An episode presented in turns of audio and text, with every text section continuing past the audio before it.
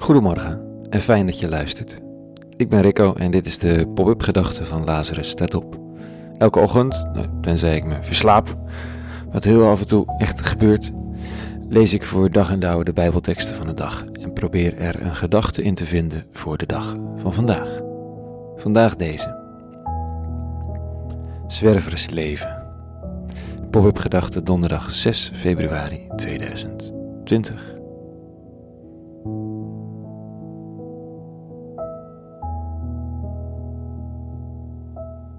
Ik zou eigenlijk wel weer eens willen liften. Ik durf niet zo goed meer, gek genoeg. Dat je toch denkt dat automobilisten denken dat je ondertussen toch wel je eigen broek op kunt houden. Hij is ook zo, gelukkig. Maar de ervaring is zo onvergelijkbaar met enige andere vorm van reizen. Het is 100% op de gunst van de andere reizen. Die dat vervolgens meestal ook nog heel erg leuk vindt om te doen. Het staat zo haaks op de manier van leven die we allemaal kennen en leren. Waarin controle, zelfzorg en zelfregelen een hele belangrijke plek inneemt. Dat je zitplaatsen koopt of reserveert. Dat je een auto hebt en benzine bepaalt, betaalt. Dat de reis geregeld is.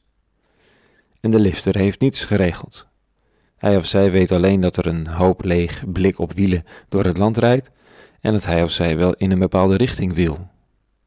Niemand is iets verplicht, maar de geduldige lifter komt er altijd en krijgt naast vermoeidheidsverschijnselen en andere lastige momenten altijd cadeautjes van ontmoetingen en gelukkige bijkomstigheden.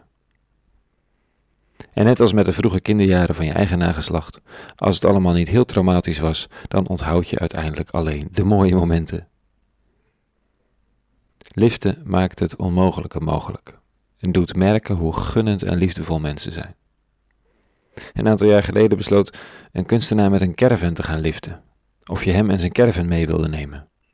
En jawel hoor, ook dat ging. Vonden mensen toch prachtig. Hang hem maar achter de auto. Ik vind het briljant. Het is de manier waarop Jezus van Nazareth zijn leerlingen de wereld instuurt. Of een verkenningstocht met het verhaal dat hij hen te vertellen heeft. Bij zijn verhaal hoort dat je niet je eigen onderdak reserveert.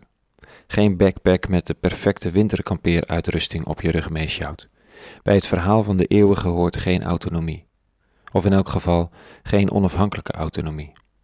Bij het verhaal hoort een onafhankelijke afhankelijkheid. Die lifters bijzonder goed begrijpen.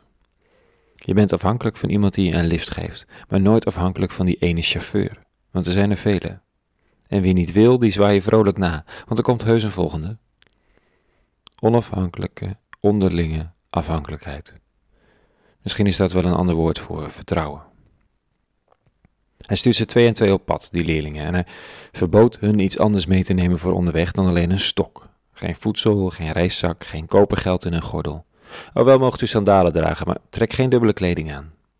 Hij zei verder, als u ergens een huis binnengaat, blijf daar tot u weer afreist.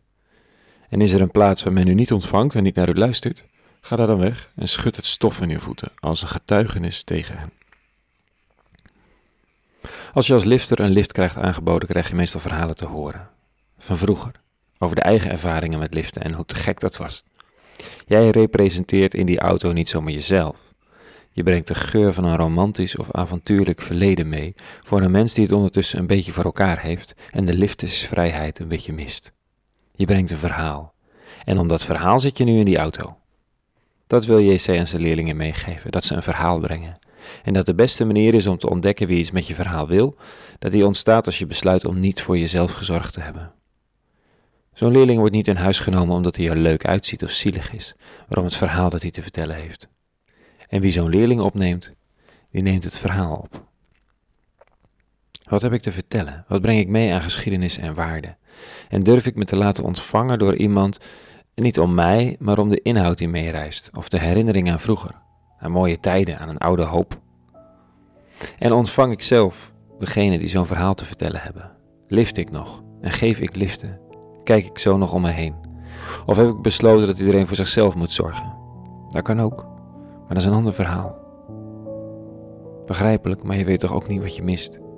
Het is veiliger, minder kans op teleurstellingen, maar ook minder kans te vinden wat je niet eens meer zocht maar wel hard nodig had. Nou, tot zover vandaag. Een hele goede donderdag gewenst en natuurlijk vrede en alle goeds.